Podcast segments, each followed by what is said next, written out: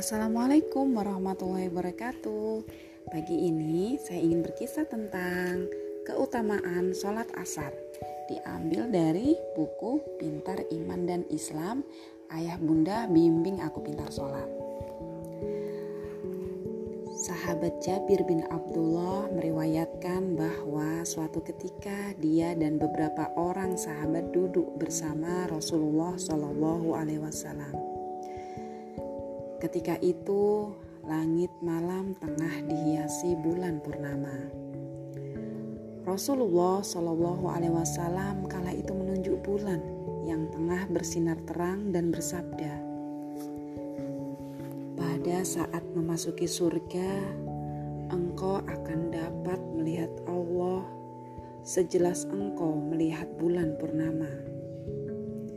Engkau akan melihat Dia." Tanpa berebut dengan yang lain.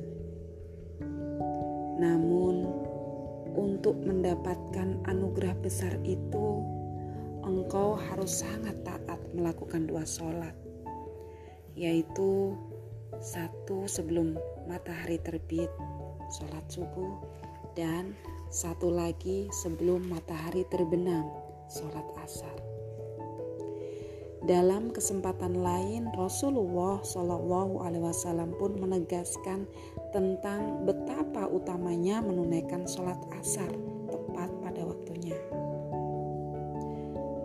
Orang yang melewatkan sholat asar tanpa alasan yang dibenarkan agama sungguh sangatlah rugi.